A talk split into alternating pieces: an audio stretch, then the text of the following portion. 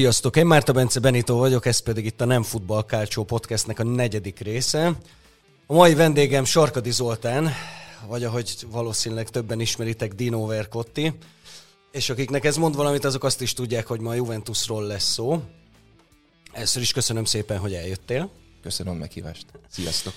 Aki követi mondjuk akár a Bianconeri blogot, akár valószínűleg aki követi a Juventus-t, az már belefutott a Bianconeri blogba, annak nem lesz meglepetés az, hogy kevésbé leszünk ma aktuálisak, tehát kevésbé fogunk uh, aktuális kérdésekről beszélgetni, illetve azok is szóba kerülnek, de ezek is mindegyik majd uh, egy kicsit, ha nem is történelmi, de mindenképpen egy lépést hátralépős uh, kontextusba helyezve.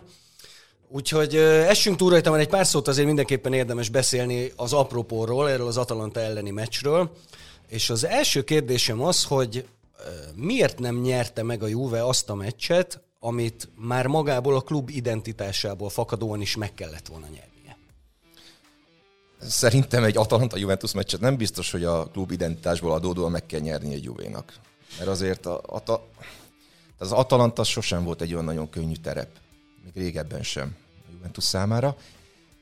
Én azt gondolom, hogy a identitás az most azt mutatja, hogy a negyedik, ötödik hely környékén van a Juventus, és az Atalanta szintén ezen a pozíció, e- ebben a pozícióban van, és ebből a megközelítésből kell ezt a meccset nézni, és ebből a megközelítésből viszont azt gondolom, hogy ez a egy-egy, meg a mutatott játék teljesen vállalható.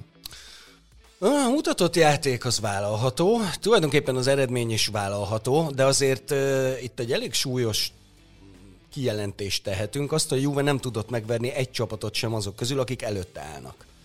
Ez azért kilenc zsinórban megnyert bajnoki cím, és mondjuk egy tavaly elrontott év után azért nem mutat nagyon jól. Vagy most ez a realitás? Hát ezért nem nyerünk bajnokságot már két éve. De mi lehet, mi ment ennyire félre szerinted? Ja, ugye szokták emlegetni Ronaldo leigazolását, hogy az mennyire egy, hát legalábbis kétes befektetés volt. Én azt gondolom, hogy nagyon, nagyon rossz időben érkezett Ronaldo, egy teljes idénye volt, amikor ki lehetett maxolni a benne lévő kereskedelmi lehetőséget is. Akár utána ugye jött ez a remek kis koronavírus járvány, amelynek már lassan a, nem tudom, már harmadik évét taposuk, vagy már két éves lesz. És szerintem ez, ez, ez nem nézett ki olyan nagyon jól a Ronaldo biznisz tekintetében, hogy nem, nem tudtuk Ronaldot kimaxolni, nem, nem tudta a klub Ronaldot kimaxolni kereskedelmileg semmiképpen sem, és nyilvánvalóan a Ronaldo ego az, az rátelepedett akarva akaratlanul a csapatra. Hát a Real Madridot is agyon nyomta, vagy Juventus is agyon nyomja, meg hát most látjuk a Unitednél mi van, azt is agyon nyomja. Tehát én azt gondolom, hogy ez, ez egy, ez egy félig meddig válasz, vagy nem tudom, negyed válasz a, a, a kérdésre. Meg hát nem lehet kilenc bajnoki cím után, lehet tizediket is nyerni, csak kicsi rá a matematikai valószínűség. Azért most látjuk, kilenc bajnoki cím, ugye a 30-as években volt öt zsinórba. Tehát ez hatalmas dolog. Ez nagyon nincs megbecsülve. Tehát, ne, tehát most nyekergünk persze a negyedik, ötödik hely miatt, de szerintem ezzel nincsen semmi gond. Mert a, hogy mondjam, a Juventusnál én, úgy gondolom, és ez a Juventus, mint klub egyik nagy előnye a többi olasz klubhoz képest, hogy egy stratégiai meg perspektíkus gondolkodás van, és ez abból eredeztethető, hogy már száz éve egyetlen egy családnak van a, az irányításában a klub. Látjuk az Internél, látjuk a Milánnál mi van. Hát jönnek, mit tudom én, mindenféle külföldi befektetők, ázsiai befektetők, és a klub identitás, ez, ez egy kulcskérdés. Ez mindennél fontosabb. Én legalábbis így gondolom. Most van egy kis megtorpanás, ennek, hogy szakmai oka van-e, vagy egyéb oka, én ezt nem tudom, nem, nem tudom ezt a kérdést egészen, egészen biztosan megválaszolni, de nagy drámát én ebben az egészben nem érzek, főleg akkor nem, hogyha egyébként a BL indulás megvan. Minden évben mondjuk nem bajnoki címmel, hanem mondjuk harmadik, negyedik helyen. Mondjuk a tavalyihoz meg kellett etetni a malacokat elég rendesen, hogy meglegyen. Ez kemény volt. És valójában szerintem a Milán elleni 0-3-mal kb. ki is került a Juve kezéből a sorsa. Teljes Igazából Gattuzónak vagy van, a Nápolinak lehet semmi közünk nem volt, semmi közünk nem volt hozzá a Juve-nak. Nekik lehet megköszönni, hogy most kiejti a Juve-t a VRL. jó, jó, esélye, jó esélye. Bár egyébként nem tudom, hogy a, a Lyon Porto Villarreal, tehát az egyik se egy olyan nagyon nagy ereszt, és így nem, megsértve a szurkolóikat természetesen. Miért nem Talán... akarod megsérteni? Sértsed meg. Jó, megsértettem őket, szarok mindegyik. De mindegy, a lényeg az, hogy hogy talán még ez a, ebben, a, ebben a sormintában esetleg azért, mert a spanyol bajnokságban jöttek, talán ők tűnnek a legerősebbnek, úgyhogy lehet, hogy a Juventus őket kiüti. Hm. ez csak végső kapaszkodó, nem tudom mit mondani. Ne, igen, nagyon nehéz belekapaszkodni más dolgokban. Azért lehet, tehát ha már a klub identitásról beszélünk, és itt szóba került ugye Ronaldo is, akkor azért a, a, a Juventus a saját nagyságát ebben az évben kevésbé a pályán bizonyítja, mint inkább azzal, hogy miközben az Internek kb. a teljes a szertárostól a jegyeladó marketingesig el kell adnia mindenkit, addig a Juve megvonta a vállát, és az Exor hirtelen 400 millió euróval megemelte a törstőkét a Juventusnak. Ez tulajdonképpen ugye ennek az összegnek a nagyon nagy része, pontosan 320 millió, hogyha jól tudom, a lejáró tartozásokra, a kamatokra, ügyleti működésre ment el, de maradt 80 millió a csapat megerősítésére is, hiszen nyilván az egy teljesen egyértelmű cél, sőt a legfontosabb cél, hogy a BL-ben azért ott lehessen a Juventus. A kérdésem az, hogy Vlahovics és Zakaria, akikre elköltötte a Juve ezt a 80 milliót, ők szavatolják ezt. Hát jobban néz ki a keret velük, az biztos. Azt nem tudom, hogy szavatolni fogják. A Vlaovicsban nagyon nagy erőt érzek. Szerintem ő egy, ő egy nagyon jó igazolás lesz. Zakáriában nem, nem tudom, hogy, hogy hosszú távon mennyire, mennyire lehet építkezni a középpályán. Nyilvánvalóan az első meccs az parádés volt. Vele várnék. Nem nagyon, megmondom őszintén, nem nagyon ismertem az előtt sem a, a srácot. Tehát azt tudtam, hogy hol játszik. Ilyen összevágott videókat láttam róla, de hát hogy összevágott videókat mindenkiről lehet készíteni, még talán rólam is, és amivel úgy tűnik, hogy esetleg tudok focizni, pedig nem tudok annyira nagyon jó. Szóval vele egy kicsit óvatosabb vagyok, őt, őt, őt inkább érzem átmeneti megoldásnak, tehát nem biztos, hogy még 5-6 év múlva Juventusnál lesz. Laovics meg lehet, hogy egy hosszú távú megoldás lehet egész addig, amíg el nem viszi 200 millióért a Real Madrid. Hát az már azt jelenti, hogy elég jól ment igen, a Juventus. Igen, tulajdonképpen, igen. mert nem hiszem, hogy olyan helyzet lesz, hogy valakit muszáj lesz elengedni. Bár a Juve ez mindig is jellemző volt, hogy ha kellett, költött a klub, de egyébként elnézve a klub mögött álló családnak az anyagi erőforrásait, a Juve azért mindig is észszel működött. Bár én például azzal nem értek egyet, ugye Puzsér Robi mondja mindig, hogy a Ronaldo leigazolásával, meg a címernek a megváltoztatásával, ugye a Juventus elvesztette az identitását, és most már az olasz Real Madrid lett. És nekem ugye mindig az volt erre az azonnali válaszom, ami az eszembe jutott, hogy mikor nem volt a Juventus az olasz Real Madrid. Mert szerintem a történelme során végig az volt. Igen, tehát ne úgy állítsuk be a Juventus, mint egy ilyen kis családi egyszer, vállalkozás. családi vállalkozás lenne, egy kis Juventus csapat, mint annak innen a Kiévo, aki ugye egy péknek a megtakarított pénzéből indult el. Tehát azért ez egy kicsit komolyabb vállalkozás annál. A, az ilyen jellegű kritikákat szerintem abból ilyen jellegű kritikákat szerintem abból a megközelítésből kapjuk, hogy a Juventus igazából nagyon nem törekedett, nem törekedett soha nemzetközi brandé válni. Tehát nem úgy, mint a Real, nem mint a Barcelona, nem, nem úgy, mint a Premier League csapatok, tehát United, Liverpool City. A Juventus sokkal inkább az olasz környezetbe be van gyökeresedve. És szerintem nem tud a Juventus olyan szinten nemzetközi brandé válni, mint az előbb említett csapatok, vagy akár a Real Madrid, akár a Barcelona. Nekem van egy ilyen érzésem, de ez csak érzés, tehát ezt nem tudom közgazdaságilag visszaadni egész biztosan. Nem tudom számokkal bizonyítani, de én azt gondolom, hogy, hogy a Juventus az nagyon-nagyon olasz. Nagyon-nagyon olasz identitású csapat. És ezt tehát nem, nem látom mondjuk a, a Unitednál, hogy nagyon angol lenne, vagy a Liverpoolnál sem látni, hogy nagyon angol lenne. Kicsit kicsit globális jellegűen működnek. Ezt nem azt mondom, hogy a Juventus az nem így működik, vagy nem, nem törekszik erre. Tett erre egy nagy lépést, Ronaldo leigazolásával. Valamiért ez nem jött be, most beszéltük a Covid-ról, vagy eleve mondom a Juventusnak a, a, a stratégiára, stratégiai leveti magáról ezt a fajta, ezt a fajta nemzetközi brandesítés, az, hogy menjünk Ázsia felé, hmm. terjeszkedjünk arra, vagy Amerika felé. Úgyhogy... Tekerjük vissza egy kicsit magunkat most a meccshez, illetve ne is a meccshez, hanem ilyen hát a meccset is formáló, de igazából a Juventus jelenét formáló dolgokhoz. Ha a pályát nézzük, ugye nyilván nem a klubról beszélünk most, szerinted mi most a legnagyobb baja ennek a Juvénak? Legnagyobb baja? Uh-huh. A baja? Hát mi, közmondásosan a középpályát szoktuk emlegetni, Igen. és szerintem ez még mindig megvan ez a probléma. Tehát középpályás probléma az még mindig megvan, Lokatellivel kapcsolatban gyakran hangzik el, hogy a regista szerepkör az neki nem, nem igazán való. Arturnál látjuk, hogy, hogy olyan szinten is megbízhatatlan, hogy akár egyes meccseken belül ugye bizonyos passzai néha az ellenfélnek gólpaszt jelentenek meg vannak komoly hibái, vannak azért mostanában jobb pillanatai az Artúrnak, Igen. tehát azt ne, azt, azt De ne, mindenkinek, ne nem? Mindenkinek tehát, vannak. Azért jövöget fölfelé. Igen, igen, Rabiónál is látom, őt nagyon, nagyon nem, nem kedvelik, mert én azt gondolom, hogy neki nem az alapképességeivel van a gond. Bár hogyha mondjuk a hozzáállás is a képesség része, akkor, akkor nem olyan jó képességű. Tehát, de szerintem ő egy, ő egy viszonylag technikás, jó felépítésű ember, csak néha így noszogatni kell. Most szerintem pont a bergámai meccsen nem játszott olyan nagyon rosszul. Én, Locatel, én Locatellit éreztem gyengének. A McKenny számomra meglepetés, hogy mennyire meghatározó játékos lett. Igen. Most mondhatjuk azt is, és ez egy kicsit rossz indult a megközelítés, hogy sok mindent elmond a mostani Juventusról, hogy egy amerikai futbalista, nem, nem úgy amerikai futbalista, hogy tojás labdával focizik,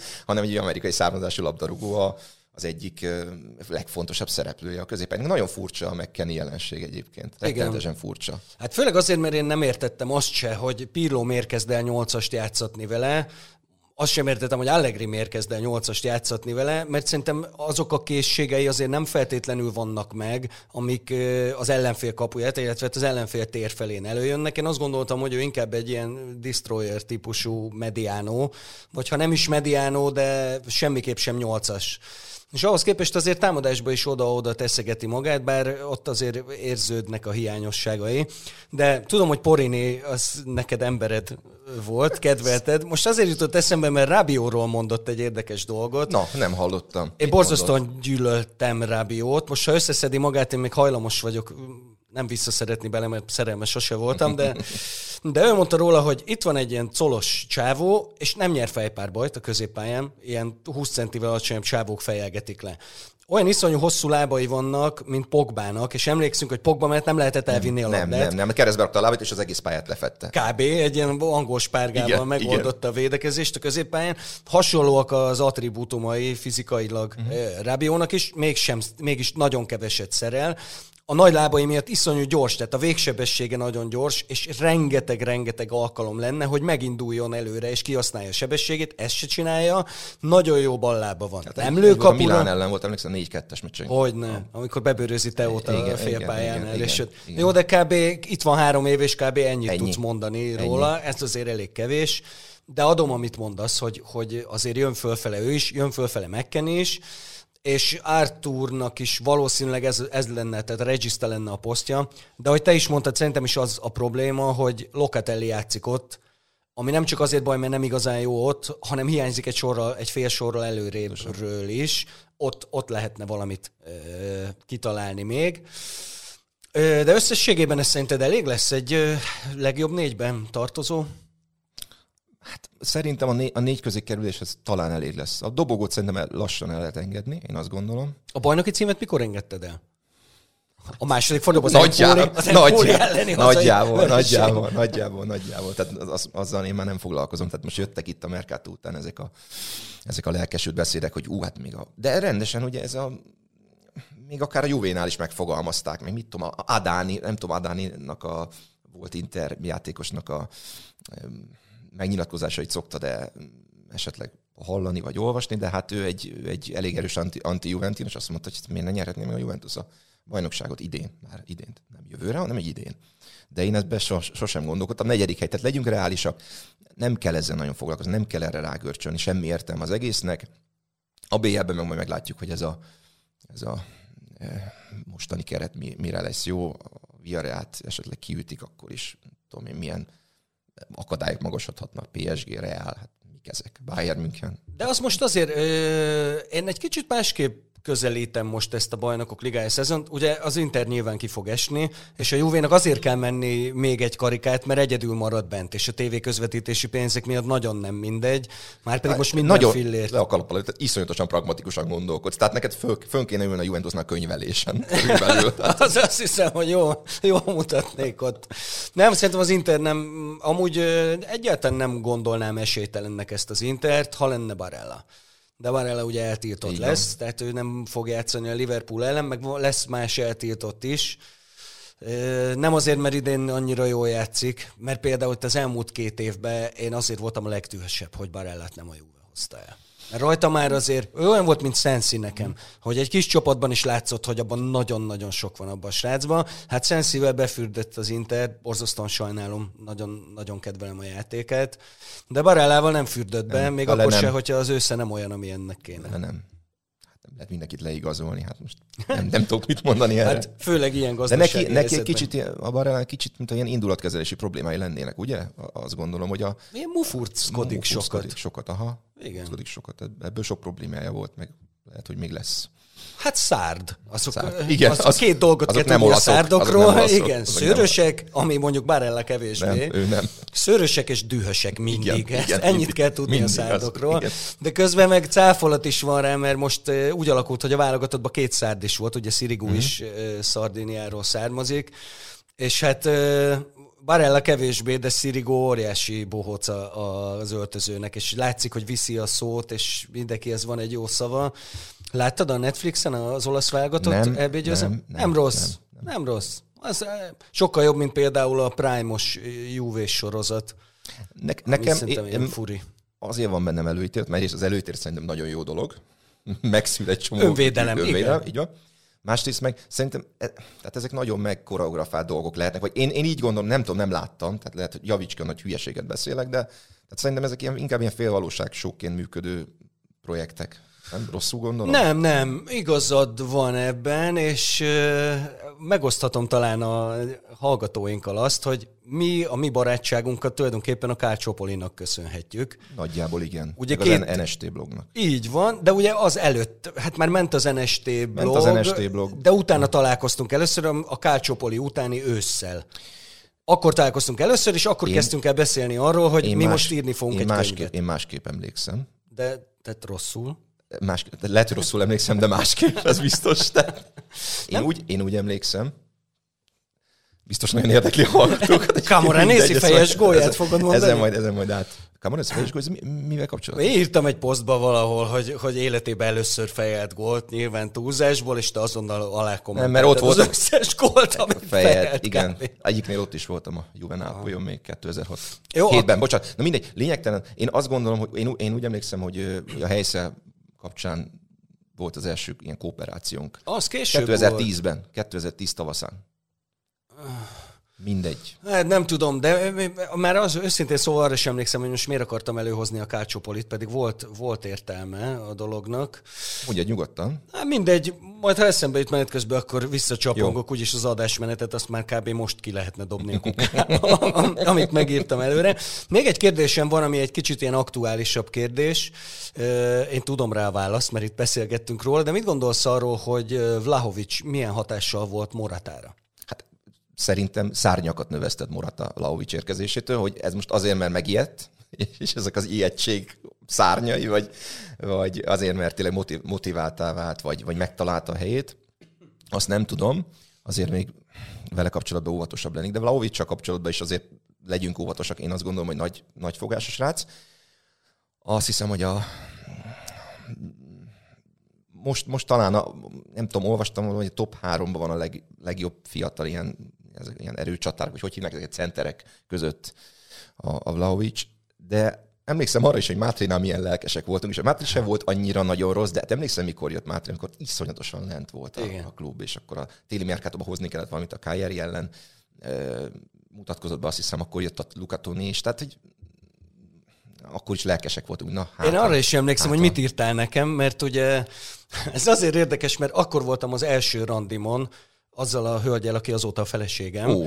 És a, az első randinkat megünnepeljük, és minden évben így keresek rá, hogy uh, Cagliari Juventus 1-3 Mátri dupla, És ugye Randi közbe, közvetítetted nekem a meccset, és emlékszem a végén ennyit írtál, hogy Mátri megint mennyivel könnyebb csatárokkal futballozni. Igen, Mert igen, hogy ugye igen, ott pont ez volt. igen. Egyébként az volt az a meccs, ami Luca Toni azt hiszem 18-ról fejelt egy gólt. Igen, Fejelt. volt egy, volt egy nagy... Úgyhogy nem volt kapusiba. Igen, igen, igen, igen, volt ilyen. Komoly. Nem tudom, hogy jutottunk el akkor Mátriig. nem is emlékszem, A- a centerek- beszélgettünk. a centerekről. Igen, hogy Morata, igen, Moratáról beszélgettünk, hogy Morata megtalálta a helyét. Neki, ő, ő szerintem főleg a kontrajátékban, meg ezekben a gyors visszatámadásokban lehet jó. Amit beszéltünk, ugye, hogy, hogy iszonyatosan lelkes, meg nagy, nagyon-nagyon sokat dolgozik. Nagyon-nagyon sokat dolgozik. Külsőre nem úgy tűnik egyébként, ilyen kis, ilyen kis szép fiús külsejű, ilyen kis piperkőcnek tűnik, de egy elképesztő vadállat lenni a, a pályán. Hm. És igen, nagyon fontos gólokat lőtt még az első Hogyne. rész a pályafutása első juvés részében. Hát emlékszünk a Milán elleni Coppa Itáliás góljára. Azt odarúgta az orrunk elé. Igen, a kis, a kis mocsok. Oda, oda, oda, az nagyon szép volt. De ugye a Reált is gyakorlatilag ő búcsúztatta annak idején, ugye az elődöntőben. Oda-vissza betalált, oda-vissza bizony, betalált, betalált. Tehát én látom benne a lehetőséget, most ilyen 40 millió euróról beszélnek, hogy annyi lenne neki most a kivásárlási ára. Nem tudom, de hogyha ha ez a felállás megmarad, én mindenképpen megtartanám Moratát, és az látszik benne, hogy lekerült róla ez a teher, Az ami tény. már iszonyúan nyomasztotta. Tehát látszott rajta is, hogy mennyire hihetetlenül nyomasztja, és ő nem egy top célokért küzdő csapatnak, Morata nem lehet a kilencese. Nem. Ez, ez egyértelmű. Vlaovic is, is még csak hetes. Hát igen. De ha az- fejlődik, akkor- Hát azt majd meglátjuk, hogy mi lesz, ezt nem tudhatjuk előre. Na, egy kicsit lépjünk most ö, távolabb, és vizsgáljuk egy picit ezt a Juventus szurkolói létet, mert ö, az volt az érzésem nekem legalábbis, ugye nyilván az, a 2010-es évek még arról szóltak, hogy hódította a, a, az internet és a, a közösségi média a világban, tehát emiatt is duzzadt a szurkolótábora egyes csapatoknak, illetve hát láthatóvá vált, hogy mennyien vannak.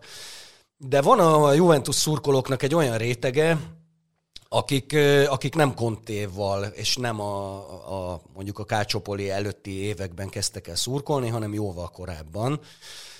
És ennek a rétegnek szerintem én azt gondolom, hogy te vagy a leghitelesebb résztvevője. Ugye amikor elkezdtünk először beszélgetni, csetelni, meg levelezgetni egymással, akkor már tudtam rólad azt, hogy te kijársz a Milánói levéltárba kutatni a Juventus történelmét.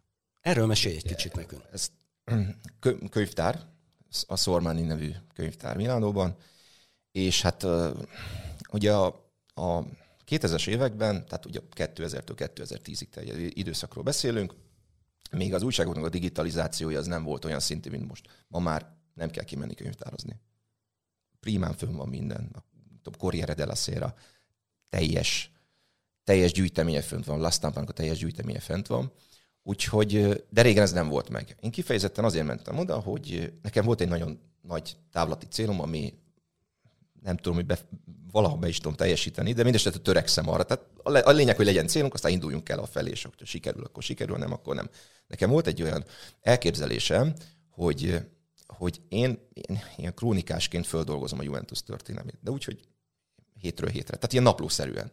Ez, nekem ez egy, tehát ez, ez, egy ilyen jobban szerkeszthető kötet, vagy könyvecske, vagy könyvecske, hát ez nem könyvecske lett volna, nagyjából 8000 Enciklopédia. oldal, igen, körülbelül, és nagyjából 30 ezer forintba került volna egy olvasónak, tehát gondolhatod, hogy mekkora bestseller lett volna, egy lényegtelen. Egyet biztos eladtál volna Egyet, belőle. igen, köszönöm szépen. És a lényeg az az volt, hogy nekem volt egy ilyen távlati célom, hogy a Juventus történet így, ilyen formában dolgozom föl. Ilyen Olaszországban se nagyon volt. És én, én őrült módjára gyűjtöttem a, az archív anyagokat. Tehát az összes meccs, minden meccs, ami, ami, ami fel lehető volt. Akár egyszerű barátságos meccs, vagy mit tudom, egymás közötti kétkapus edzés a 60-as évekből, mindent elkezdtem gyűjteni. Rosszul emlékszem, hogy a, a torinói derbik történetét is kutattad erősen? Kutattam erősen a torinoi derbik történetét, igen, igen. Amikor kimentem Milánóba, vagy kijártam Milánóba, akkor, akkor mindig nagyon észnél kellett lenni. Ugye lefoglaltam az időpontot, és ott másfél óra volt kutatni. És ott nem érdekelték az embereket, hogy te honnan jöttél, hogy te most a Nyíregyházára menj, nyíregyházi vagyok, oda kell neked visszamenni, nem jöttek a másfilmes, és lecsapták, és akkor mondták, hogy mikrofilmes kutatás volt. Tök aranyosak volt, mit a listákat, milyen idényeket szeretnék. És akkor így ránéztek, és akkor tolták ki a zsúrkocsin a mikrofilmeket, tehát így az egész könyvtár megállt, és akkor vitték ennek a kis aranyos magyar gyereknek, és nem tudták, azt mondjuk újságíró vagyok. Mondom, ne, ilyen sértést, én újságíró, semmi közöm nincs az szakmához. És, és akkor ezeket földolgoztam, és hoztam haza nagyon nagy örömmel a mikrofilmeket. Ez úgy, úgy működött, hogy délelőtt elrepültem Milánóba, ilyen fapadossal, vagy nagyon olcsó járattal, délután megjöttem haza. És másfél órát megkutattam, de semmit, tehát nem ültem ki kávézni, nem mentem a dómhoz, semmi, bementem a könyvtárba, bementem, kifizettem a fillérekkel, a mikrofilmeket fillérekkel lehetett, tehát pár euróért olyan anyagokat hoztam haza, amit ha, ha ezt rendesen gyűjtőktől szerzett be, print verzió, hát ez tudom én, milliós tételekről beszélünk, tehát nagyon durva. És természetesen voltak fizikálisan megfogható ö, újságjaim is. Na mindegy, a lényeg az az, hogy ez volt a tervem, és, és az, hogy, az, hogy ilyen hiteles Juventus szurkoló, ezt, ezt a jelzőszerkezetet szerintem de nem. Ne mert... használjuk el. Mondjuk azt, hogy, hogy mondjuk azt, hogy Magyarországon a, a Juventus krónikájával én foglalkoztam a legbehatóbban. Talán ez nem nagy képű. Mondjuk inkább azt, hogy a, a te tudásod talán a legmélyebb az összes ember közül, ami a Juventus-t illeti Magyarországon. Most mondok egy példát, Igen? voltunk többször is együtt kettesben futballmérkőzésen Igen. Olaszországban, és emlékszem, hogy volt egy, amikor valamire a szülinapom környékén mindig eh, az Interre játszunk. Tehát ott mindig Igen. október végén Úgy irányítják ott, a sorsolást. Így van, és ugye mostanában nyeregetünk Igen. is azért, tehát nem olyan rossz. Ez pont egy ilyen volt, amire mentünk, és előző nap volt a szülinapom, és a tortámon rajta volt ugye a a 77-es bajnok csapat, ugye 76-ban nem mi nyertünk. Ja, igen, 76 És nem. emlékszem erre, hogy, hát, hogy ült, igen, ül, fölültünk a repülés, mutattam a képet, hogy hát nézd, milyen jó pofa tortát kaptam, rajta van a 77-es csapatnak a kezdője, és hátradőltél, két percig csöndbe voltál, és egy levegővel elmondtad, nem a kezdőt, hanem az összes játékost, aki azon a kurva csapatképen rajta volt. Ja, igen, igen Tehát ezek... rémlik, aha, igen. Na, ilyesmik voltak. Ja, De ha már a szurkolói utazások szóba kerültek. Hát utaztunk egy párszor együtt, de most pont egy olyanról szeretnélek kérdezni, amelyiken, amelyiken nem együtt voltunk, sőt, talán még nem is ismertük egymást akkor. Igen. Voltunk mind a ketten Nápolyban, Nápoli-Juventus meccsen. A, az enyém sem volt PTNR egyébként, de a tiéd az egy egészen elképesztő körülmények között e, letudott túra volt. Erről mesélj egy kicsit. Ez úgy történt, hogy van egy, van egy nagyon, nagyon jó haverom, ja, még, még indexes időszakomban, nem, nem dolgoztam az indexnél, hanem ugye ott fórumoztunk, ilyen Juve fórumon, és ott haverkodtunk össze, aztán személyes barátság. A Drucker kocsmáról Drucker van kocsmáról van szó, így van, személyes barátság kötetett, Sándornak hívják azt a barátomat, a vezeték nevét nem adom ki, nehogy esetleg. Na, mindegy, a lényeg az, hogy vele beszéltük, hogy ki kéne menni a, a Nápoly Juve-re, és akkor volt egy lehetőség, egy ilyen fiatalokból álló Juventus szurkolói csoport szervezett egy ilyen utat, és akkor elmentünk, ott, lementünk Szombathelyre, ott béreltünk valami csotrogány, mit tudom én, transport, és azzal lementünk Nápolyba, jeges volt az út még Szlovénián, majdnem meghaltunk, azt hittem, hogy ez lesz az út legmeredekebb, meg, legmeredekebb része, de aztán lett ennél sokkal meredekebb, ugyanis aki nekünk a jegyeket szervezte volna egy olasz srác, az kiderült, hogy semmi nincs nála. Tehát minket gyakorlatilag átvertek, előre kifizettették egyeket, úgyhogy ott álltunk Nápolyba, jegy nélkül, minden nélkül, ilyen tüzes nápolyi szempárok meredtek ránk. Tehát azt hittük, hogy most bocsánat, így... bocsánat, nem akarom félbeszakítani, csak te ezt a részét mondod, ezt a én egy kis hátteret adok hozzá. Ugye ez 2007. Ez 2006 novemberre volt. A 6 7 szezon, van, amikor másodosztályban volt B. a Juve és a Napoli, igen. és egyébként a Genova is, ez a három csapat jutott és föl. Azóta, az a... fenn, azóta estek egyik sem. Most a Genova idén Most kifog. a Genova kifog, igen. igen. Egyrészt, ugye ez egy fontos dolog, hogy ez egy másodosztályú meccs volt, amúgy rekordot is döntött Olaszországban, leglátogatottabb másodosztályú meccs volt. És az az év még egy rekordot döntött, a legtöbb bajnoki cím jutott föl egyszerre a másodosztályból, ugye 30 nagyon valamennyi sok, összesen. Sok, De nem csak ez volt a lényeg, hanem az, hogy ugye ott a 2000-es évek elején egy olyan elképzelhetetlen dolog vált valóra, hogy kb. Nápolyt uralma alá vonta a maffia. Így van. Tehát a, ilyen, ilyen ostrom állapot volt. Ugye nem sokkal Igen. korábban ott volt egy ö, kolera járvány, Azért, mert nem vitték, ugye a maffia ellenőrizte a szemétszállítást. a szemétszállítást, és nem szállították el a szemetet, és kitört egy kolera járvány. Öjé, utcai lövöldözések. Hát, és emlékszem, amikor mesélted nekem először, akkor az volt, hogy, hogy tényleg, mintha egy ilyen háborús övezetbe háborús, érkezett volt. volna az ember. Gondolkodtunk is az utolsó napokban, hogy egyáltalán elinduljunk. Családom azt mondta, hogy ne menjek. És aztán mentem, megmentünk. Hát ott gyakorlatilag katonák foglalták el a, a várost, katonai helikopterek cirkáltak felettünk, és erre a háborús állapotokra telepedett rá egy Nápoly Juve meccs. Tehát ez, ez, ez, ez egész Ez olyan, mint a felülfertőzés, vagy nem tudom mi. A háború döntő csatája. Igen, igen.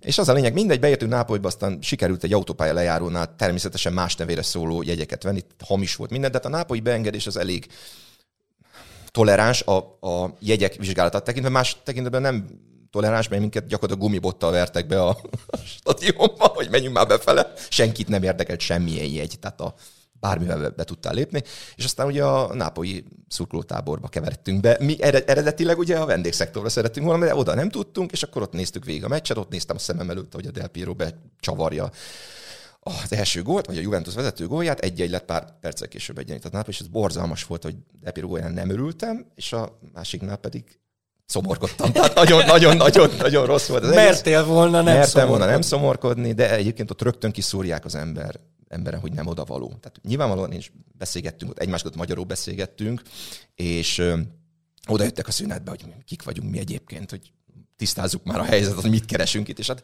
elkezdtem ott mondani a kis toszkán dialektusommal, amit ugye Magyarországon ezt ezt tanuljuk, ezt a toszkán olasz nyelvet, ott a nápolyiaknak, hogy hát mi csak így erre jártunk, hát semmi, hát láttuk, hogy Nápoly, Juve, nem tudjuk, hogy mi ez, és akkor aranyosak oda elkezdték magyarázni, hogy ez nagyon nagy harc, és akkor nagyon nem szeretik a Juve-t, ú, mondom, és ez milyen szuper dolog, és már napra később meghívtak minket a Napoli Párma kupa meccsre, azt már nem bártuk meg, mert ugye mentünk haza, és kedvesek voltak, mert megkínáltak a szendvicsekből, meg az ilyen növényi származékokból álló ilyen különböző ilyen tudatmódosítószerek, azt nem kóstoltuk meg, tehát mindegy. Tehát az a lényeg, hogy ja, meg hát védelmi pénzt kértek tőlünk a parkolóba, hogy a kocsinak nem lesz semmi baja, hogyha... Ha De ez Dino Verkottinak, igen, ez aki nekem, tudja, hogy a igen, dolgok törékenyek. törékenyek. Ez nem volt meglepő. Egyébként azt mondjuk el, hogy a Juventus, az Allianz Arénánál is vannak a mai napig ezek a jelenségek, tehát hogy kedvesek mutogatják, hogy gyere ide, állj be, és hogy kiszállsz, rögtön kérik a pénzt. Tehát, igen. Tehát nagyon fura. Figy- oda kell figyelni. Mindegy, tehát a Nápoly meccs az egy, az egy érzelmileg egy, egy elkép, elképesztően elképesztően erős, meg intenzív meccs volt. Nagyon, nagyon érdekes volt az egész, az, hogy, hogy milyen körülmények között utaztunk, hogy, hogy mi, milyen volt maga a meccs, de hát kevesebb lenne az életem, hogyha nem mentem volna annak idején. De infernális volt az egész, tehát a Nem Futball Kácsó című könyvnek tulajdonképpen nem is azt mondanám, hogy azt mondanám, hogy a társszerzője vagy, mert hogy megzsaroltál azzal, hogy a Juventusról szóló fejezetet te fogod írni, majd erről beszélgetünk még egy kicsit, csak most azt akartam elmesélni, hogy a Nápoliról szóló fejezetemnek a végére megírtam egy passzusban a mi nápolyi kalandunkat, mert a Nápoliról szóló fejezetem az tulajdonképpen egy kicsit arról szól, hogy mit jelent délinek lenni. Hogy mi ez a, ez a dél-olasz feeling, mi a mezzogiorno, mit jelent az emberekre, a társadalomra nézve. És nagyon sok hasonlóságot mutat a kettőnk története. Például... Egy kicsit több büntető jogi relevanciával a tiéd igen, szerintem. Igen, ott volt büntető jogi relevancia, azokat a részeket csak ilyen említés szinten, de ugyanígy mi is úgy utaztunk, hogy az volt a mondás, hogy van jegyünk. Uh-huh. És viszontagságos úton, repülőn, amin az egyik végtelen durván bebaszott utazótársunk, Juve szurkoló, egy Nápolyba tartó repülőn elkezdte az O Vesuvio Lavalico Foco című nótát dalolni, ami értetően kevésbé tetszett az embereknek, és nem akarom az egész sztorit lelőni, de itt ez, az eleje az azért volt érdekes, mert a repülőn utazott Valkai Erzsébet, világ, világ, világ klasszis Tudom, vízilabdázónk, aki Nápolyba ment férjhez, és azóta is ott él, ott neveli gyermekeit, és egyébként egy oviba járt a a hámsik gyerekekkel, no. és rendszeresen találkoztak is. Na, ott volt a repülőn, és oda penderült, hát egy vízipólós hölgyet uh-huh. azért úgy, tehát hogy nem az volt, hogy jaj, fiúk, légy szívesen, nem. Oda ment, megfogta egyébként közös barátunk, aki a, a leghangosabban hőbörgött, és, meg, és két mondatta, azt mondta, figyelj öreg, mentek a meccsre, de nem lesz meccs, mert nem ülsz le a helyedre, akkor a stewardess följelent, a rendőrök várnak a repülőtéren, és mentek a sítre 24 órára. És ott megjuhászodott uh-huh. mindenki. Mindegy, nem akarom az egész sztorit lelőni, egészen elképesztő ö, volt minden estül ez a nápolyi túra, csak ennyit akartam elmondani, hogy nekünk is ez volt, hogy van jegyünk vendégszektorba. Na ugye busszal jött a, a, a Viking, akinek ugye tudjuk, hogy a, a, a, ennek az ultracsoportnak a főnöke az, aki általában hát ilyen biznisz ultrának hívom én magamba, ő intézi a jegyeket, és akkor menjünk föl a Caserta Nordhoz, ott lesz a találkozó, Ja, de nincs jegyetek fiúk nektek se, de ne, ne aggódjatok, mert nekünk sincs. És hm. akkor így tudod, egy ilyen nagyon durva utazás, a könyvbe leírom, hogy mik történtek még menet közben, és akkor ezt hallja az ember. És az az érzés, ami téged a stadionban fogott el, az engem elfogott már korábban, ugyanis fölmentünk el ez a, a nápolyi körgyűrűnek az északi részéhez, ott volt egy ilyen pihenőhely, ott volt a találkozója uh-huh. tulajdonképpen a vendégszurkolóknak, és olyan ilyen ismeretlen félelem fogott el, amikor azt láttam, hogy körülbelül, nem hazudok, olyan 300 rohamrendőr, tudod, ezek a maszkosak, tehát nem is ez a sima, hanem ilyen teknős ruhás maszkosak, tömegoszlatójármű, vízágyú valamit el tudsz képzelni, és az egész fölött meg köröz két rendőrhelikopter. És előtte 300 Juve szurkoló szívja a füvet, mint a, a, a gép. És az, az járt a fejembe, hogy Jézus Mária, mi vár ránk a városban, ha itt kint ilyen készültség van, és így fognak minket bevinni a városban. Hazaértünk egy darabban, a könyvben megírom pontosan, hogy mi és hogyan történt. Egyébként érdekes, az is egy-egy lett az a meccs. De ebbe az volt az érdekes, hogy mi ilyen bérelt kocsival voltunk, úgyhogy a konvoj elején voltunk, úgyhogy kb. elsőnek léptünk be a vendégszektorba. Már ilyen 5-6 perce ment a meccs, amikor megérkeztünk. Hát én olyan picinek még életemben nem éreztem magam, amikor egyszerre 60 ezer nápoi kezdte el Ági nénit bántalmazni de megérkeztünk, fölnéztem, konstatáltam, hogy feketébe vagyunk, ami egy kicsit ilyen furcsa volt, és Kielini már bólintotta is be a gólunkat, amiről a Juve tábor 97%-kal lemaradt konkrétan. Na mindegy, érdekesek ezek a nápolyos uh, sztorik, de most egy picikét a, könyvről, hogyha beszélünk, illetve nem a könyvről, mert ugye maga a könyvnek a koncepciója az az, hogy minden egyes korszakban egy csapatról írunk, és hát ez könnyű, amikor azt mondod, hogy a, a Kájári, azt tudod jól, hogy a 69-70-es, illetve a 68-69-es és a, a 69-70-es bajnokságról fog szólni. Ugyanez a Veronáról is tudod. De amikor ott vagy, hogy Milán, Inter és Juventus, akkor így válogatni kell, hogy, hogy mégis melyik legyen az a fejezet, hiszen minden csapatnak csak egy fejezetet tudunk szentelni. Összeült a konzilium, beszélgettünk róla elég sokat, és végül úgy döntöttél, hogy ez a korszak, ez melyik lesz? Ez a Lippi korszak lesz. Melyik? Abba kettő van. Ja igen, persze. Hát a, most mondom, hogy klasszikus lipi korszak, ez a 94-től 99-ig terjedő időszak.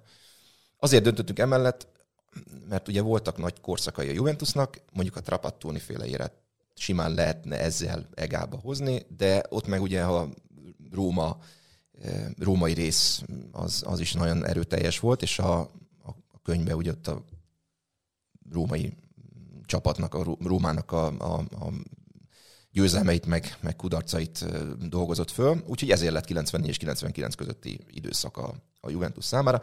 Meg én azt gondolom, hogy a Juventus jelenjét, a mostani körülményeit nagyba befolyásolja az az időszak, amikor a Giraudo Moggi beteg a hármas átvette a, a, az irányítást. A, egyesek szerint nem csak a Juventusnál. Igen, eh, azért azt hozzá kell tennünk, hogy bár csak ez az egy fejezet szól konkrétan a Juventusról, azért van két másik fejezet is, aminek mondhatjuk, hogy főszereplője a Juventus. Ha már említetted a Moggi Giraudo, Giraudo betteg a hármast, akkor nyilván a Calciopoli fejezetnek is ők azért kulcsszereplői, plusz van egy fejezetünk a helyszerről, Mindegyikben óriási szereped van, ugye te vagy az első proofreadelem mindegyik esetben, és mindegyiket ki tudod egészíteni egészen apróságnak tűnő, de nagyon fontos dolgokkal. De hogyha valakinek van egy ennyire átfogó tudása ennek a klubnak a történetéről, akkor azt gondolom, hogy érdemes megkérdezni olyan kérdésekről, amikről nekünk, mezei szurkolóknak azért kevesebb fogalmunk van, Például, hogy szerinted melyik volt mondjuk a három legjobb Juventus a történelem során? A korszakot mondjak, vagy idént? Mert... Nem kell id... Ne, hát mondhatsz idént is. A karakterisztikáját. Karakterisztikában ez... jó, hát akkor a Trapatonit meg Lippit ugye említettük. Hát nem tudom. Esetleg mondjuk a... de az már nagyon klasszikus időszak, és szerintem a fiatalok, nálunk fiatalok, mi sem éltünk akkor még, de mondjuk a Boniperti féle 50-es csapat, az, az nem volt annyira nagyon rossz. Tehát hármat kérdeztél. Uh-huh. Figyelj, a Trapattoni időszakban több, több több csapat is befér. Várja, ugye itt is két időszakról beszélünk, és a második már igen, itt nem sikerült igen, nagyon jól. Igen, egy UEFA kupa győzelemmel sikerült ezt az egészet letudni, és egyébként bajnoki szereplés az valóban nem volt túl jó. De én ezt a két nagy korszakot, mint, mint viszonylag már modernebb korszakot gondolom a, a leg, legerősebbnek, ráadásul de ugye a, a 30-35-ös is akkor. Ugye legyen, akkor az a három korszak legyen teljesen egyértelmű, és milyen furcsa, hogy nem említjük ugye a mostanit. Kilenc bajnoki cím. Hát miért nekem, nem említjük? Nekem ez jutott eszembe, miért és, ez is, és kérdezem is tőled, hogy a 17-es Juvét, ami szerintem jobb volt a 15-ösnél. Szerintem is jobb volt. Legalábbis nagyobb esélyekkel ment neki annak a, a BL döntőnek, és tehát az, az, mondjuk, hogy egy korszak, és akkor a 15-17-es Juve, bár eléggé kicserélődött a csapat azért a, a két időszak között. Én De az hova? Odafér e... valahova? Biztos, hogy odafér, mert hogy annak a csapatnak volt erre, ez mutatja, hogy, hogy BL döntőt is játszott. Ott voltam az a Cardiffi mészálláson. Borzalmas volt, hm. második félidő. És ne, tehát, tehát kontextusba kell helyezni a 2011 óta kezdődött időszakot, mert az olasz labdarúgásban nagyon komoly strukturális problémák vannak. És ennek a strukturális problémának lett a áldozata például az Inter, például a Milán, a római csapatok. Tehát ne, azt nem mondom, hogy egyedül volt a Juventus az olaszban, és ebben nagyon úgy tűnt, hogy, hogy, hogy, hogy és, és nem a Juventusnak a legyőzhetetlensége miatt tűnt úgy, hogy nagyon egyedül van a Juventus, hanem a többi csapat valahogy nem vette fel a fonalat, vagy ez a stadion? Stadion? Annak is van köze. Hát a stadion egy óriási előrelépés volt. Hát a, a Delle Alpi az egy... Én megmondom hogy én szerettem a Delle Alpit, voltam is ott. Meg De mit szerettél benne? Az, mond, mindjárt mondom, azt szerettem benne, még mielőtt agyonversz, azt szerettem benne, hogy, hogy óriási meccseknek adott otthon. Tehát egy, egy nagyon szép korszaknak volt a lenyomat a Delle Alpi. De ugyanakkor a Delle Alpi egy borzalmas stadion volt, és nem csak azért, mert mondjuk volt futópálya, mert máshol is van, Rómában is van futópálya, tehát más stadionoknál is van ilyen. De az egésznek a megépítése, hogy milyen, milyen, milyen elképesztő fenntartási költségei voltak, hogy a Juventus ahogy tehette volna, rögtön pályázott volna egészen máshova, bárhova, Genovába, Milánóba, csak el onnan. Ugye több meccset is rendeztek Milánóba, UEFA kupa meccseket, Juve pályaválasztásával, Palermoba játszottak, ugye szuper kupa visszavágót. Hát az a lényeg, hogy a stadion az óriási, óriási előrelépés volt minden szempontból, érzelmileg, anyagilag, stb. stb. És hát láthatjuk, hogy a Milán Inter most jutott el abba a fázisba, hogy egyáltalán most már vannak konkrét tervek, és akkor nem tudom, mikor épülhet meg ez a ez az új... 26. 26, de ugye ott is van a probléma, mert sokan mondják, hogy hát jó, de azért föl, meg kellene tartani a, a San Siro-t, vagy Mehadzát, kinek mit tetszik, ugye, de hát ugye azt meg minek? Hát egy óriási, egy fenének tartsák fel. Hát szóval... ez a baj az összes stadion építéssel, hogy az önkormányzatok ellen érdekeltek, de és ezért... A, a Juventus stadionja, a Delle Alpi volt az első olyan stadion, ami egyébként magán üzemeltetésbe került, tehát be is csődölt egyébként ez a magánüzemeltető cég, aztán visszakerült az önkormányzathoz, és akkor a Juventus 2002 körül megszerezte a stad, magának a stadionnak a területet, de most már Continassáról beszélünk, ami egy hatalmas nagy terület, ami egy ilyen Juve város lesz, és az már a, a, a, a Juventusnak az üzemeltetésében van, tehát ott minden épül iskola, óvoda, szálloda. Levittek, levittek tömegközlekedést, két villamos Igen, vonal, nagyon, szép, buszok, nagy, nagyon, nagyon szépen kiépült, hát azért az nem volt egy, Igen. hát azért az nem a Beverly Hills volt. Igen.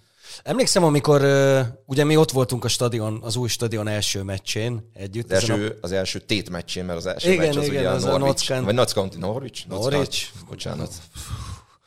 Ne haragudj. Embetűs. igen. És mind a kettő sárga-kék, ezért kevertem. igen. Szóval uh, ott voltunk ezen a meccsen, és emlékszem, hogy akkor azt is mesélted, hogy annyiból nem jó az új stadion, hogy ugyanoda épült, ugye Dellálpinak a romjaira kb. Mm-hmm. És emlékszem, hogy mesélted, hogy mennyi vita volt abból, hogy rossz helyen van a, a városon belül, nagyon rossz helyen van a stadion, mert egy ilyen e, katlanszerű részen, ahol mindig megáll a köd, és hogy nagyon sok így van. Leszaladt az Alpokról, és ott megállt. Uh-huh. És ezért voltak ilyen, volt meccs, és hogy elmaradt. Tehát emlékszem a Leverkusen ellen 2002-ben, amikor azt hiszem harmadjára tudták lejátszani, de csütörtök délben játszották le a meccset. Tehát annyira nem volt már időpont, nyilván zsúfolt verseny, a VB is jött ugye azon a nyáron, és akkor egy ilyen, egy ilyen matiné előadás volt csütörtökön, és akkor lézengtek az emberek a stadionban. Nem jó ezek a matinék, emlékszel a legutolsóra? Melyikre? A Galatasaray elleni csoportkör utolsó forduló, ahol sikerült kiejtenie magát Conte csapatának egy, egy ilyen szántóföld slash igen, igen, liba legelő igen, vésilányított. Igen, legalább Continak volt mire fognia. Igen. Hát azért ez. De hát a Galata ellen most nem tudom, hogy mennyi időnk van, mindegy, ezt még gyorsan elmondom, akkor 98-99 idényben, 98 decemberében a Galata elleni meccs, az a Öcsalán sztoria, nem tudom, arra emlékszel, ez a kurd, hát ilyen terrorista, és akkor őt az olaszok kapták el Olaszországba, és ott börtönözték be, és Törökországból is egy lázadás volt, hogy adják ki, és nem akarták kiadni az olaszok a törököknek. Ezért a Galatasaray Juventus egy ilyen háborús környezetben játszódott le, nagyon-nagyon durva körülmények között, aztán egy-egy lett. Borzalmas meccs volt, hatalmas szévje, tehát iszonyatos volt az egész, de hát ez a Galata Juve meccseknek úgy látszik a, a kötelező kelléke, hogy valami kavarodás legyen. Igen, ez elég, elég, az a legutóbbi, ez eléggé gusztustalan, gusztustalan volt, volt minden estől. Ezt én nem is értem, hogy ezt hogyan lehetett engedni. Na, de mindegy. Na, ha már erről az átfogó Juventus tudásról beszélünk, ugye nyilván nem tudunk olyan dolgokról beszélni, amiket nem láttunk, csak tudjuk, hogy mm. voltak ezek az óriási meccsek, és fel tudjuk sorolni mondjuk tizet is közülük, de amiket láttunk, ez mondjuk így a 90-es évek eleje, amikor már elérhetőek is voltak mm. mérkőzések, mert nem tudom, én emlékszem helyszerre. Kicsi gyerek voltam még, de emlékszem, hogy ott ülök apám lábánál, mm. és várom, hogy lássam a Csikos mezébe a világ legjobb futbalistáját, mert apám ezzel gerjesztett. Nem emlékszem, hogy miért választottam ki a Juventus, de arra emlékszem, hogy nekik szurkoltam. De maga a futball öntudatra ébredésünk, az mondjuk így a 80-as évek. 80-as évek, igen. Vége felé. Azért ez is egy elég hosszú idő, ez mint négy évtized, amiről beszélünk. Ki tudod-e választani mondjuk a három legnagyobb meccset? Hát figyelj, nem. Nem, nem, nem, nem tudom, nem tudom. Nagy neki készülés. Nem tudom, ezen... Egyet ki tudsz-e? A kedvence? Hát most nem tudom, mert mindegyik más miatt kedvenc. Tehát Aha. Most mondhatom, az első, amin ott voltam, ugye az a Milán Juve volt a 97, amikor 6 1 győzött a Juventus a San siro igen, az jó volt, de nem tudom. Segítek. Ajax ellen, vagy, vagy ami nekem, ami, amit én imádtam azt a meccset, ez nagy, hatalmas meccs volt, amikor nagyon durván csúcson volt a Milán még 92-93 környékén, és a, és a Baggio féle Juve az oda ment, és leverte őket három egyre a, a San Siro-ba, az egy hatalmas meccs volt, azt nagyon szerettem. Vissza is szoktam nézni ide, időnként a Youtube-on, ez ilyen azt, azt nagyon szeretem. Ajax elleni visszavágó, a 4-1-es meccs, az nagyon jó. Az első meccs is nagyon jó volt. A, már most 90-es évekről beszélünk, tehát nem mostani Ajax meccs, mert abban nem sok öröm volt. Abban nem. Nem sok öröm volt, de A sok, kinti meccs vége az jó volt, ott azt uraltuk. Ott, igen, hogyha Douglas. Costa belövi azt a helyzetet, akkor volt, szerintem tovább is. Jó volt. Tehát sok, sok, sok meccs volt, ami úgy... És mit mondasz arra, ha azt mondom, la partita perfetta? Igen, az, az, az, a mindig, az a mindig úgy voltam a Lapartita Perfettával, elmondhatjuk, hogy a Juve Realról beszélünk, ugye a 2003-asról. Elődöntő. Elődöntő, igen. Hogy, hogy hát az a, tudod, az már nem, én már idősebb vagyok, tudod, engem már a régebbi meccsek érdekelnek, most hagyjám ezekkel, Ovis vagy még 2003-as, odáig tud csak visszatekinteni, de hát az tökéletes meccs volt egyébként, valóban. Az tökéletes. tökéletes meccs volt.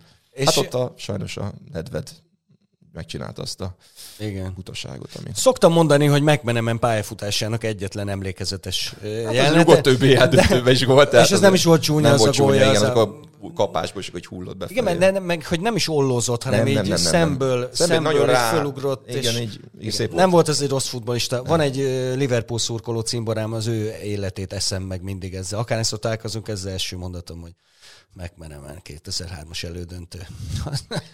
az, Igen. De ott azért nagyon sok minden történt. Ö, akkor egy kicsit most menjünk oda, amit nem tudsz kikerülni. Én tudom, hogy ki a te kedvenc játékosod. Először is, először is ezt mondd meg, és magyarázd meg, hogy hogy jött neked Sergio Brio.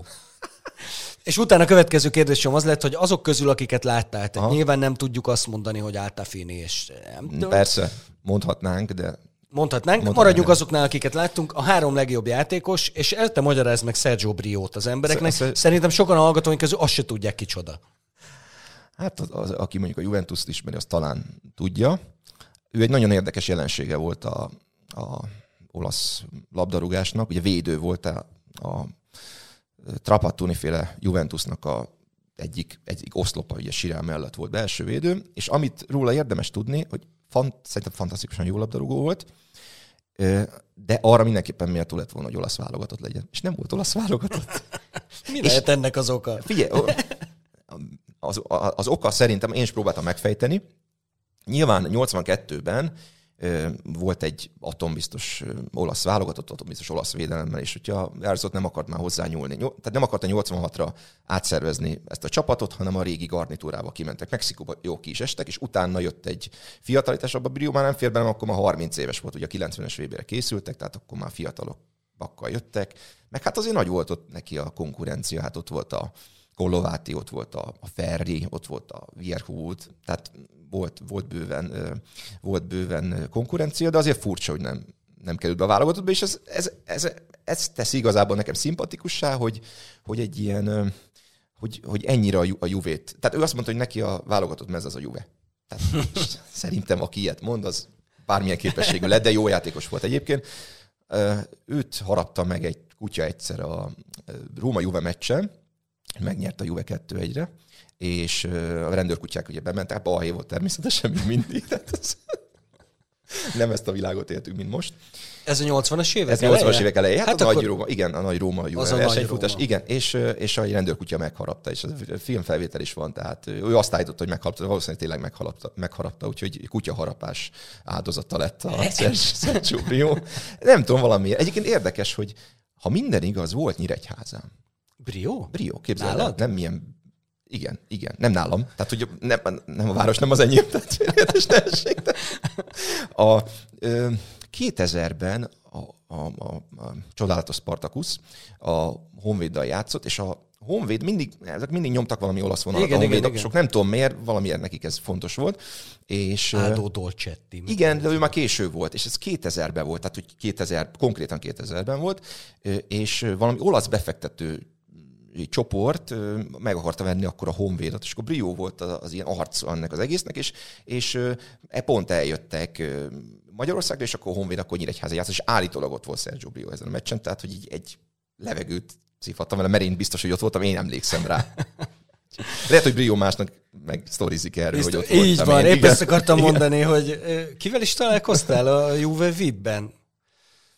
Bruno Mazziával találkoztam, a, aki, aki a 50-es, 60-as években volt egyébként bajnok középpályás. Tudni, tudni kell Dincsiről egyébként, hogy elvitte nászútra a feleségét egy Juve meccsre, és hogy ez volt az ajándék, hogy, hogy a VIP-be voltatok, és voltunk. akkor ott beszélgettetek. Ah, szép emlék. Igen, hogy az nagyon jó volt, nagyon jó. Hát az Kulibáli öngólja, hát az zseniális volt. Tényleg az az a meccs az a meccs volt. volt az a meccs volt, fantasztikus. A 4 Fantasztikus, igen, nagyon jó volt. és hát a mellettem lévő asztalnál ült beteg, a, és a mellett meg Padovánó. Azt nem, úgy, nem viszonylag jó társaság volt. Tudnak szépen enni? Csukott nagyon, nagyon szépen, nagyon szépen ettek, nagyon szépen ettek, úgyhogy de, de, fan, tehát nem, én nem vagyok ilyen fiszkó, tehát nekem ez nem kell. Tehát, de azért ennek megadtuk a, azért mégiscsak a módját, Juventus volt, mindegy, nem akarom ennyire ez a nászút részleteit. Hagyjuk a részleteket kimond, a kimondani, de, de mondjuk a, ez egy nagyon szép emlék volt, és akkor ott uh, ilyen emberekkel lehetett. De én nem megyek oda fotózkodni, meg nem zavarom őket igazából. Tehát a Bruno Mazzia volt az, aki konkrétan annyira ült tőlem, mint most tett. Tehát egy ilyen pofonnyi távolság. De őt nem akarnám megpofozni, téged se, csak érzékeltessem a távolság. Kartávolság. Pörög az óra, és még nem tudjuk, hogy kik a további két kedvenc Juve. Vagy a legjobb, nem a kedvenc, mert hanem a legjobb Juve játékosok. Figyelj. Figyelj, mert pofontávolságban. Pofontávolságban vagyok. Szerintem a Sirát mindenképpen megemlíteném. Tehát ő egy ez kikerülhetetlen. Tehát Sirának helye van, ez teljesen egyértelmű. Tehát akkor a Brio az ilyen személyes kedvenc, ez ilyen, ez külön, akkor vegyük Sirá mindenképpen. Zidán mindenképpen, és hát nekem Platini nekem Platini. Tehát ez, ez, a, ez a három, hogyha nagyon szűkíteni kell. Nem lehet nyilván ennyire leszűkíteni, és nem említettem Del Piero, most gondolom majd megy a fújolás, hogy na, miért Del Piero. Del Piero-t én sem említeném. Tudod, kit említenék na. viszont? Nedvedet. Hát, és, és egyáltalán nem azért, mert a klubnál maradt, egyáltalán nem azért, mert most éppen alelnök, meg hogy lement a B-be, nem, nem ezek miatt. Egyszerűen azt gondolom, hogy Pável Nedvednél komplettebb középpályás, az nagyon-nagyon kevés volt. Aki tényleg mindenben ennyire magas színvonalat ott, Zédorfot tudom kb. mellé rakni, mert Zidán nekem minden idők legjobb futbalistájának tartom, Zinedine Zidánt, de ha mondjuk választanom kéne a csapatomba, akkor lehet, hogy Nedvedet előbb választanám. Egyszerűen azért, mert, mert mindenben jó volt. Ugyanígy gondolkodtak Modzsiék, és annak idején, mert pont ők váltották egymást. Ugye jött Nedved, ment Zidán. Ez egy bátor lépés volt szerintem. De bejött. Bejött, bejött, bejött, bejött. Nedved, Nedved se találta azért a helyét az első néhány hónapban, mert így kirakták a szélre, aztán ugye berakta Trekvártisztának később Lippi, és ott már, már azért ment. Tehát az volt az aranylabdához vezető út első komolyabb lépés, hogy megtalálták a helyét a, a csapatban. Uh-huh. Platini? Miért? Platini azért, mert Platini idején szerettem meg a klubot. Hmm. És ennek nagyon egyszerű oka van, tehát teljesen primitív háttere van. Ugye a testvérem gomfociban mindig a Juventus preferálta, és akkor tőle hallottam, hogy Platini van, és az milyen jó játékos. Én meg önálló és akaratlan gyerekként természetesen követtem a, az ő szavait. Egy jó végszón gondolkodom, Szerintem egy kicsit uh, próbáljunk Éne, meg... el a Juventus. Sokat, ez például szuper lenne. Magyarul.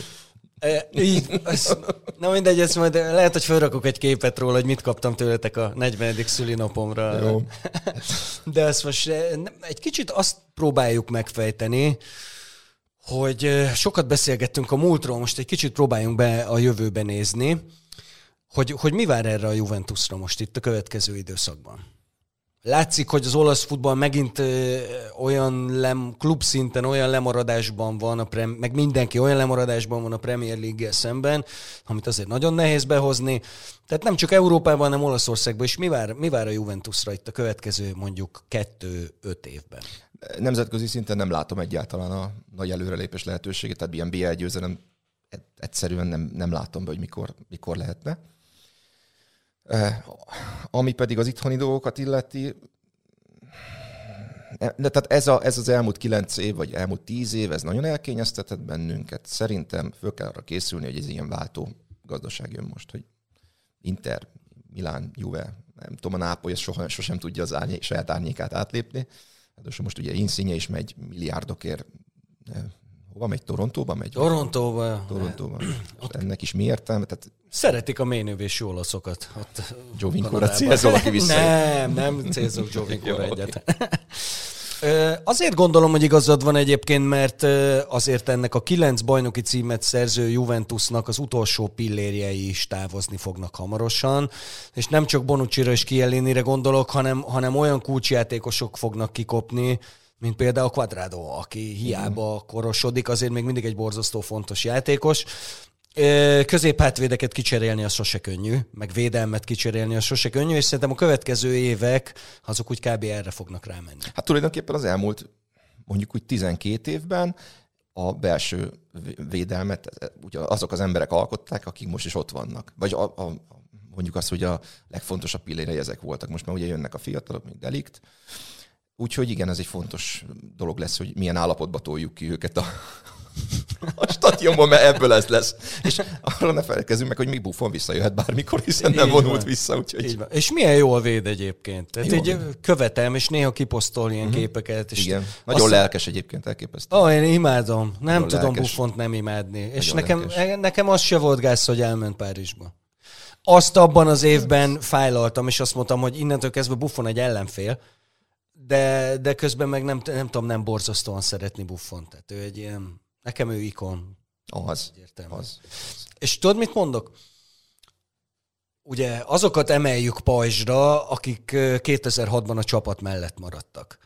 De hogyha végnézed, hogy kik maradtak itt, ugye marad Del Piero, aki 30, 32 volt. 32 volt. volt. Tehát ő, neki már jobb is volt maradni, ez teljesen egyértelmű. Maradt Camoranesi, maradt Trezegé, akik amúgy nem akartak maradni, tehát ők mentek volna, egyszerűen nem engedte el őket a klub, és maradt Nedved, akinek valószínűleg már akkor mondták, hogy szerepet szánnak neki a klubnál, és maradt Buffon, akinek ugye azóta ezt a könyvébe is megírta, meg több helyen lehetett. Tehát már akkor is biztos volt, hogy aláírt előszerződése volt a Milánnal, tehát ő volt az, aki azért maradt mert lement a BB a Juve, és azt mondta, hogy ő nem hagyja cserben. Úgyhogy ilyen formán nekem ő a legnagyobb hőse a 2006-7-es széria B szezonnak. Nem tudom, az előszerződés mennyire valós, hogy ezt leírja a könyvében? Hogy leírja. Leírja. könyv- leírja. Aha. Jó, akkor azt valahogy fölbontották. Hát, mindegy. hát ezt mondja, hogy, hogy megegyeztek. Megegyeztek, az Megegyeztek. biztos, az, az könnyen elképzelhető.